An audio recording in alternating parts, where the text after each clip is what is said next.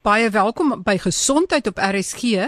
En ons gesels ver oggend oor hartritmes wat skeefloop.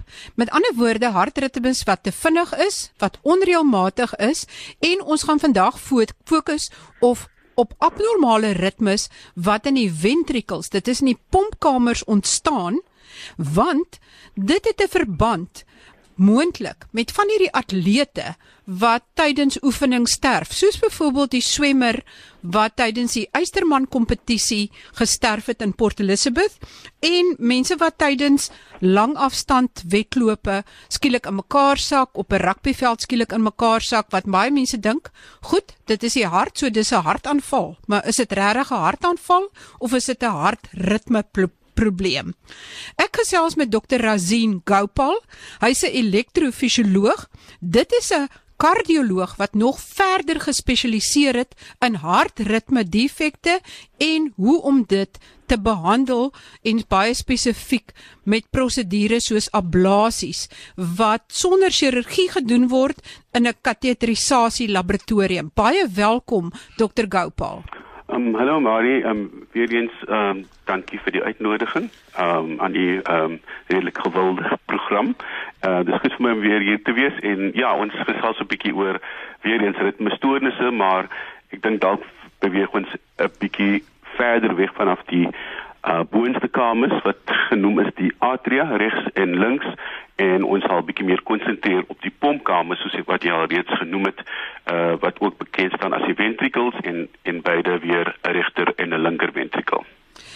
Ja, baie dankie dokter Gopal. Hy is ook verbonde aan die AF uh sentrum wat in Panorama Medikliniek geleë is. Dis die Kaapstad AF sentrum. Dokter Gopal, wanneer klop jou hart te vinnig. Wat is daai ritme waarvoor mens moet oppas of wat mens van moet kennis neem as jou hart te vinnig klop? Met ander woorde, wat is 'n in mediese terme 'n ventrikulêre tachykardie? Ja, in mediese terme, um, ek dink dis 'n baie goeie vraag omdat ons redelik so gefokus het op die behandeling van atriale fibrillasie. Uh en natuurlik, ehm um, jy weet die die sentrum is goed bekend vir die werk wat ons gedoen het wat krioablasie vir hierdie spesifieke ritmestoornis betref. Ehm um, uh ons sal heel waarskynlik die um, die nuutste krioballon ook binne binnekort uh voorstel uh aan die um aan die publiek uh, kom ons sê volgende maand. So dit dit is wat um krioablasie vir atriale fibrillasie betref. Um maar ons fokus hier op ventrikulêre um tachykardie wat eintlik 'n lewensbedreigende ritmestoornis is wat ontstaan in of die regter of die linker ventrikel.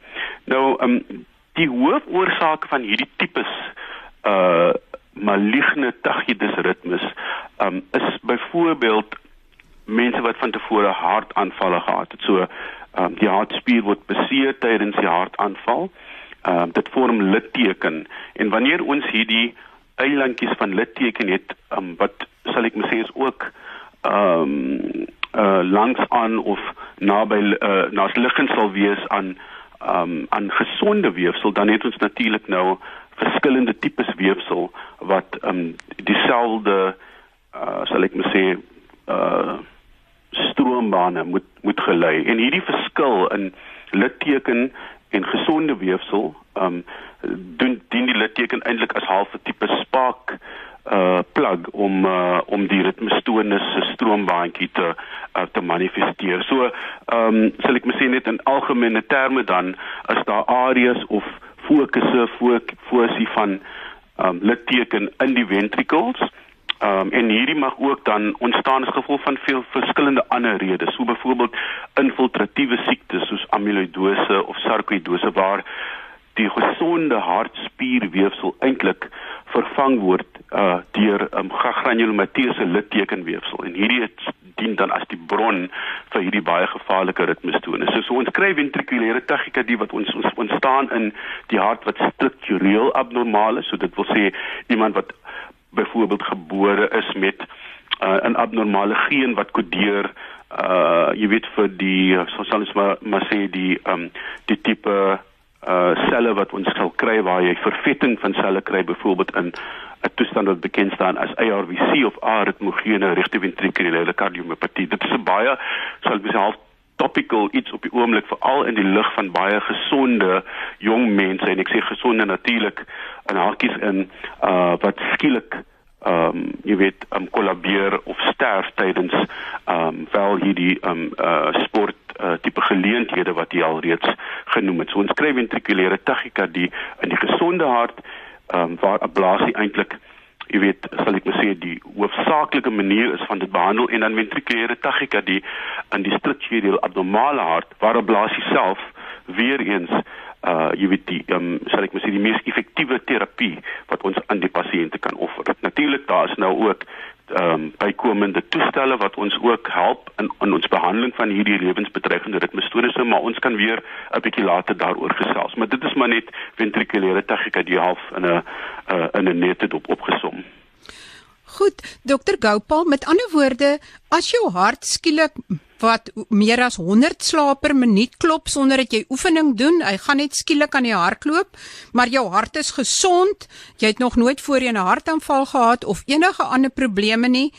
Wat is dit wat hoe behandel julle dit dan? Kan pille dit regmaak ja, of kyk dit dit hang af van die onderliggende patologie. Kom ons kom ons neem vir byvoorbeeld 'n 'n 'n baie uh 'n algemene tipe scenario wat uh wat ons uh, op 'n daaglikse uh basis moet behandel. So ons kry byvoorbeeld jong dames wat veral hartklopings kry, hulle voel ekstra sistole uh wat nou sogenaamde misbeats deur die pasiënt beskryf word.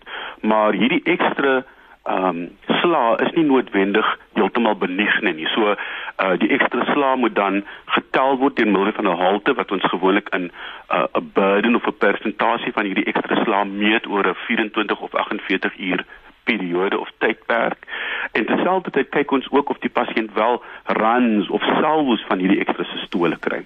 So baie belangrik in ventrikulêre tegniek is die pasiënt se mode van presentering, maar ook ook dan ehm um, die pasiënt se simptome. So wanneer enige hartkloping of dit nou afkomstig is van die boonste of die onderste kamer, wanneer dit gepaard gaan met 'n uh, eh, bewussyn verlies byvoorbeeld, sogenaamde syncope of 'n blackout wat 'n baie baie gevaarlike ehm um, simptoom en 'n baie belangrike simptoom is om verder te ondersoek. Dit blackout is gewo gewoonlik ehm um, die tipe vasovagale of fainting spells wat algemeen is in ons kinders as hulle nou natuurlik ehm um, hard oefen of emosioneel uh jy weet ehm um, ontstel sou raak. Ehm um, maar dit is heeltemal sal ek maar sê ander tipe probleem. Maar dan word die ventrikulêre tegniek die wel nou op die uh byvoorbeeld op die halter of die monitor of die EKG bevestig en wanneer dit gepaard gaan met hierdie tipe simptome, bewussyn verlies, kort asemheid, borskas ongemak, uh selfs lighoofdigheid kan ook uh, die manier wees hoe die pasiënt presenteer. So die simptome is ontsettend belangrik. So 'n pasiënt byvoorbeeld um wat bewus is van die feit dat hulle hartklopings kry en daarmee gepaardgaande duiseligheid kry. Ek dink dit is um noodsaaklik om dit verder te wil ondersoek veral as daar 'n moontlikheid is dat dit ventrikulêre tachykardie. Ventrikulêre tachykardie se hartspoed of die tempo sal gewoonlik hier by die jy weet enigstens bo bo kan die 150 slaap per minuut wees. Um maar dit kan jy weet dit kan baie baie vinnig um styg na tot 300 keer per minuut wat ons sal noem 'n ventrikulêre fladder. Um, in daai geval sal die pasiënt amper sekerlik bewussyn verloor want met so 'n um, uh, vinnige tempo is daar nie tyd vir vulling van die hart nie. En as 'n mens die gewone fisika van um, die Starling wet neem, benodig jy 'n bietjie strekking van die hartspier om wel te kry dat die die pompkamer weer ontlaai. Ehm um, en so as daar nie genoeg vultyd is nie, is daar nie genoeg tyd vir 'n kardiale omset uh te bewerkstellig nie en in daai geval gaan die pasiënt dan jy weet verminderde bloedtoevoer na die brein kry en as gevolg daarvan uh bloeddruk val en uh en die pasiënt uh, verloor dan bewussyn. So in terme van verder ondersoeke vir pasiënte wat vind dat die hart baie vinnig aan loop gaan, is belangrik vir ons om eers voor te stel eh, te of vas te stel wie is dit van die boonste of van die onderste kamer. Hierdie word gedoen of deur middel van EKG monitering. Deesdae kan ons um, ook 'n klein toestelletjie onder die vel plaas sodat ons definitief die hartkloping kan vasvang sogenaamde loop recorder wat vers, uh, van verskeie uh, maatskappye beskikbaar is. Uh, en natuurlik dan kan ons ook 'n invasiewe of indringende ondersoek doen waar ek eintlik probeer om die hart uh, klopping uit te lok deur middel van 'n elektrofisiologiese studie. Uh natuurlik die um, voordeel hier is dat ek ek dit terselfdertyd ook kan genees. Uh maar ablasieterapie, dit wil sê waar ons eintlik die stroombaantjies probeer um, uh, uitlok en ook probeer vasstel wat wat hulle presiese ligging is, uh, bly nog steeds die mees effektiewe behandeling ehm um, vir ventrikulêre um, tachykardie of selfs vir supraventrikulêre ritmestonisse. Uh, medikasie um, wat my betref is altyd 'n tweede keuse. Ehm um, uh, maar dit hang af van natuurlik die pasiënt se unieke omstandighede. Ehm um, jy weet watter uh deel gedeelte van die terapie ons eerste sal uh sal ek sê initieer. So dit is wat die wat die opwerk van die ventrikulêre tachykardie ehm um, uh betref maar um, natuurlik as daar strukturele hartsiekte is en die pasiënt het nie uh byvoorbeeld alreeds 'n ICD in nie uh, dit wil sê 'n defibrillator wat die hart kan skok sal ons eers ook probeer meer anatomiese inligting kry wat vir my ontsettend belangrik is vir altydens 'n blaasie um, dat ek 'n goeie idee het van die pasiënt se se hartspiertoestand. En vir dit um, is die is die MRI magnetic resonance imaging uh, van die um, van die hartspier ehm um, um, dit is ehm um, absoluut noodwendig om om ook daai inligting ehm um, te bekom en dan ehm um, saam met dit ehm um, die strukturele abnormaliteite, die elektriese ehm um, abnormaliteite wat gevind is op EKG monitering en die pasiënt se simptome uh, word dan 'n plan van behandeling uitgewerk. Goed, as die pasiënt dan nou die ventrikulêre uh, tachykardie, die vinnige hartklop wat ja. van 'n ventrikel afkom, sy hart is struktureel normaal, is een ablasie gewoonlik genoeg om daai pasiënte uh, op die weg van herstel weer te sit? Ehm um, kyk vir die gewone um, ablasies wat ons doen in 'n uh, normale harte uh, en die tipiese tipe um, ventrikulêre tachykardie wat ons hier kry sou byvoorbeeld wees uh, Bell-Hassan VT uh, in kinders um, wat ons ook genoem in vesikulêre of vesikulêre VT um, dan kry jy ook die tipiese uh jong volwassene of middeljarige ehm um, volwassene in beide manlike en vroulike geslag wat dan presenteer met regte ventrikulêre uitvloeibaan tachykardie of RVOT tachykardie. Uh, en hierdie is um, eintlik redelik algemeen. Uh, en in die meeste van gevalle word daai pasiënte met 'n enkel ablasie uh, genees. Die suksessyfer is is ontsettend hoog en die komplikasiesyfer ehm um, seker wat ons laboratorium betref is is uh, weglaatbaar klein. Ehm um, jy weet so ehm um, dit dit sou 'n eintlike sterk aanbeveling wees om daai tipe ventrikulêre tachykardie veral die wat normale harte so te behandel. En as dit nou iemand is wat wel 'n strukturele fout in sy hart het, sê maar 'n klepdefek of 'n hartversaking is of littekenweefsel het, ja. wat is 'n ablasie uitstekende vraag uitstekende vraag. Jammer om vir die rede te val maar maar dis dis dis absoluut belangrik dat ons daai verskil tref ja.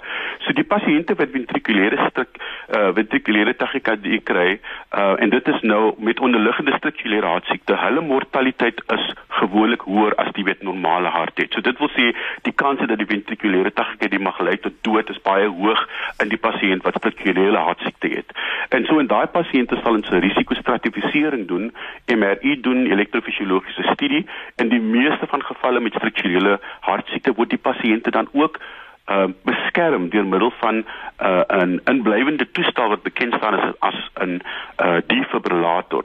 Uh en en hierdie toestelle kan beide um, die ventrikulêre tachykardie termineer deur middel van die pas aan te gee. So die ventrikulêre tachykardie se tempo is 180 die die die die toestel kan dit her, um, kan dit um, herken en, en sal byvoorbeeld dan die hartspoed opstoot na 200 toe en so die so so um, ehm um, sal eintlik die hartspoed kan afbring geleidelik uh vanaf die vanaf die 150 of 180 waar die pasiënt gesit het.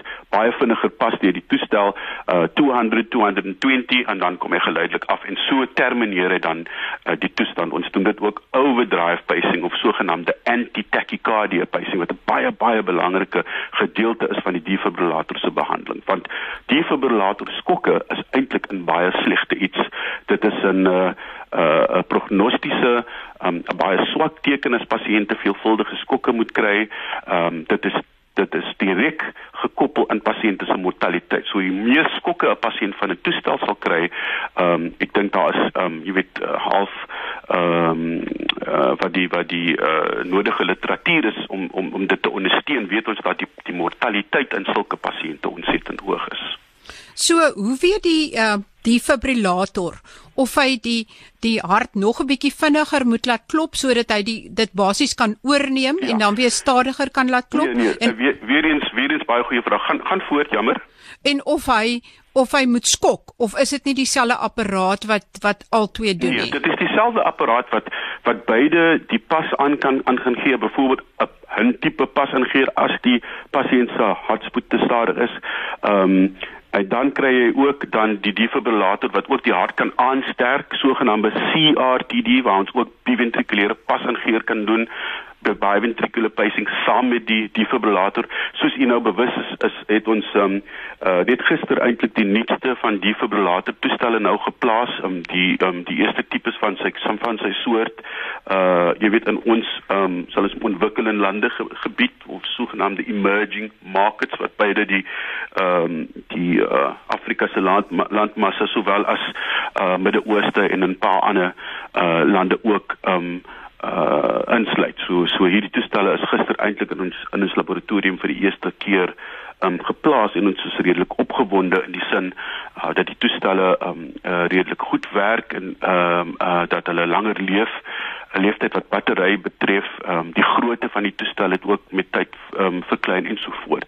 Ehm um, ons is be behep om ons pasiënte natuurlik die nuutste tegnologie ehm um, aan te bied want ek dink deur middel van uh, dat ons um, optred kan bly met um, met uh, die nuutste verwikkeling kan kan ons ook natuurlik ons pasiënte genees en en deur middel ook van uh, jy weet um, die die die nuutste en mees moderne tegnologie vir ons pasiënte uh, aan te bied. So ja, die toestel weet uh, en dat hy geprogrammeer het af, uh, afhangend van wat die tempo is. Um, Daar's verskillende parameters wat hy gebruik. Hoe vinnig begin die um, die ventrikulêre tachykardie? Hoeveel slae voordat hy eintlik bevestig dat 'n ventrikulêre tachykardie is? En dan is daar veel veelvuldige tipes anti-tachypacing programmering wat ons eers sal doen. So die skok is altyd 'n sal ek maar sê 'n last resort. Natuurlik soms kom die pasiënt in met 'n hemodinamies abnormale ritmestoornis as ventrikulêre fibrillasie wat gewoonlik die ritmestoornis is waar waar, waar die meeste van ons eintlik um, sal sterf in die ou end wanneer ventrikulêre fibrillasie deur die toestel gediagnoseer word. En weer eens dit is eintlik hoofsaaklik die tempo van die ritme wat die toestel sê nee, dis fibrillasie en nie ventrikulêre tachykardie nie. Ehm um, en dan sal die die toestel natuurlik onmiddellik skok want dit is 'n lewensbedreigende situasie. Maar ehm um, hy sal altyd eers uh deur middel van die anti-tachypacing, deur middel van die pas aan te gee probeer om die ventrikulêre tachykardie so te termineer vir veel veelvuldige redes. Een, ek het al klaar genoem dat skokke eintlik in, um, in baie baie baie slegte ding is vir 'n pasiënt. So if a patient comes to you with a shock, it's not a good thing. It means that you've actually failed from your side, um, either via ablation or medical therapy. So dit wil sê, um, jy weet skokke het, het natuurlik 'n prognostiese implikasie. Natuurlik as jy toestel moet skok, dan sal dit dit doen, maar ons moet onthou hoe meer skokke die pasiënt kry in 'n leeftyd, hoe korter is die leeftyd. En dit is eintlik bewys in die literatuur uh, op veelvuldige maniere. Um, so mortaliteit is hoog. Ehm um, die tweede um, manier waar hy ook die ritmestoornis kan ehm um, uh, in onderskeid tref is deur middel van die waveform van die van die um, ventrikulêre tachykardie uh, ook ehm um, te probeer ehm um, ehm um, uh, half dokumenteer in die toestel. So wat gebeur is voorheen word die normale EKG en die normale vorm van die komplekse in die toestel ingeprogrammeer. As gevolg van ventrikulêre tachykardie is die fokus of die bron van die ritmestoornis um gewoonlik van 'n 'n area in die hartspier of in die byvoorbeeld die septum van die van die ventricles of in die uitvloeibane van die ventricles of in die apexe of die puntstote van die ventricles. Um en as gevolg daarvan verander die morfologie vanaf die normale slag wat gewoonlik um nog steeds die uh normale geleidingsstelsel sal gebruik so as ons in 'n normale sinus lewensritme in is daar baie uh, sal ek mens half ehm um, uh, voorspelbare uh uh uh um, voorspelbare uh, geleiding uh, en en ook gebruik van die geleidingsstelsel. Ventrikulêre ehm um, tachykardie is gewoonlik aberrant, dit is eksentries, dit sit eers anders in die hart, so die vorm van daai kompleks verander.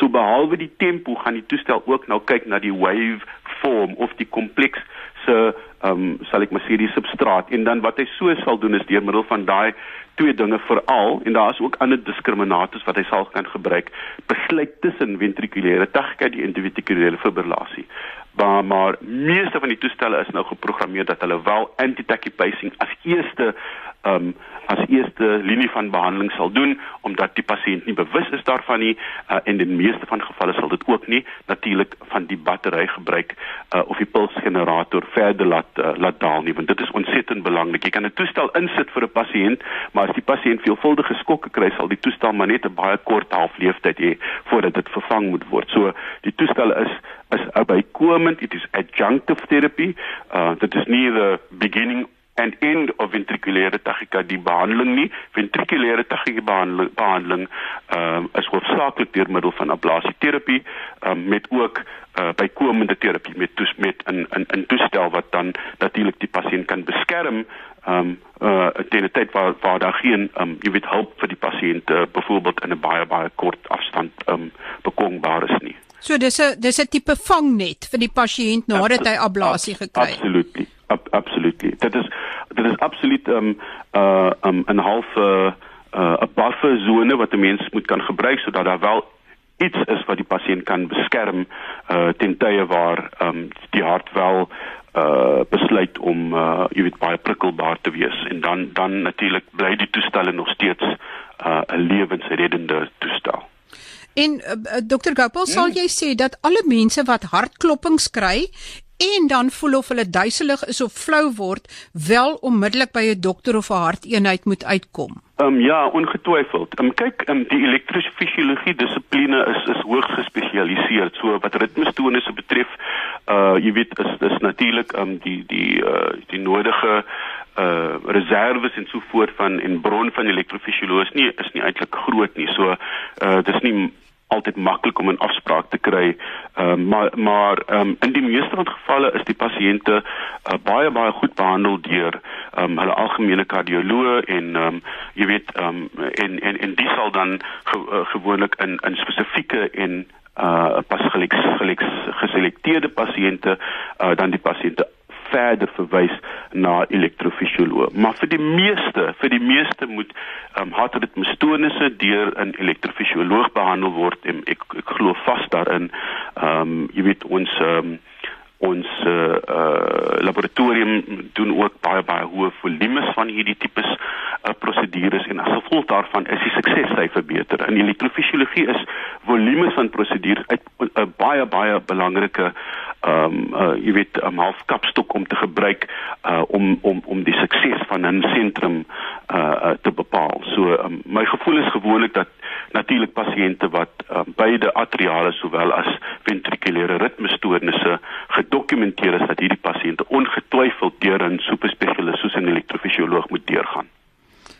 Ja, ek stem heeltemal saam. Ek sal nie laat iemand wat net nou en dan of nie gereeld in en in hoë volume is hierdie tipe prosedures doen 'n uh, 'n uh, uh, toestel deur my hart na my hart toe vat wat hy dalk dwars deur die hart kan druk nie.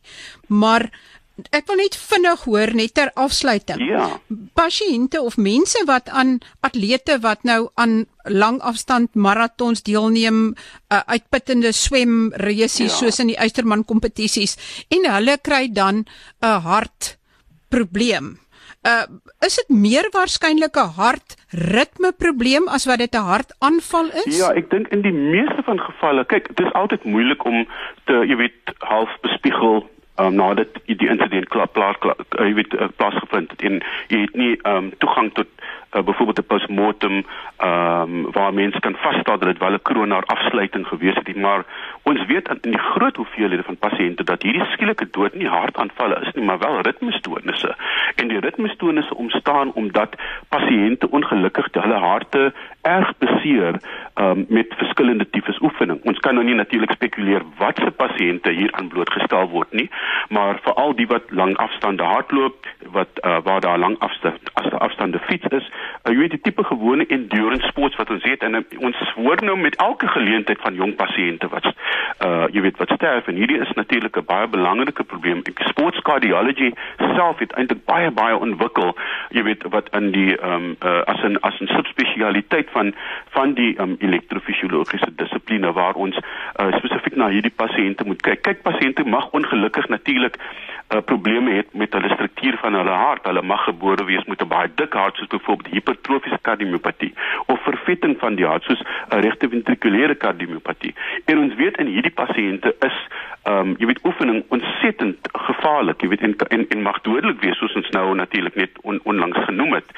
Ehm um, en so Ehm um, jy weet baie keer word die word die diagnose maar eers as 'n postmortem ingemaak word en vind oor die pasiënt het uh, eh, ARVC en nou weet ons ons moet natuurlik die pasiënte ehm um, jy weet familielede en so voort moet ook dan uh, jy weet getoets word. Ehm um, en so ehm um, uh, my my persoonlike gevoel is dat dit uh, in pasiënte veral wat nie ehm um, veelvuldige risikofaktore vir krona siekte het nie. En dit is meeste van die mense hulle rook nie hulle is alles ontsettend ehm um, presies oor hulle dieet en uh oor hulle pulspoede en die afstande wat hulle doen en so voort um they generally live extremely strict and um and very very healthy lifestyles. Maar in hierdie geval is dit nou uh, ek weet wat dit betref as 'n mens alreeds gepredisponeer is tot hartritmestoornis omdat die hart struktureel abnormaal is dan moet jy natuurlik jy weet ten minste dit uh, uh, dit na laat kyk.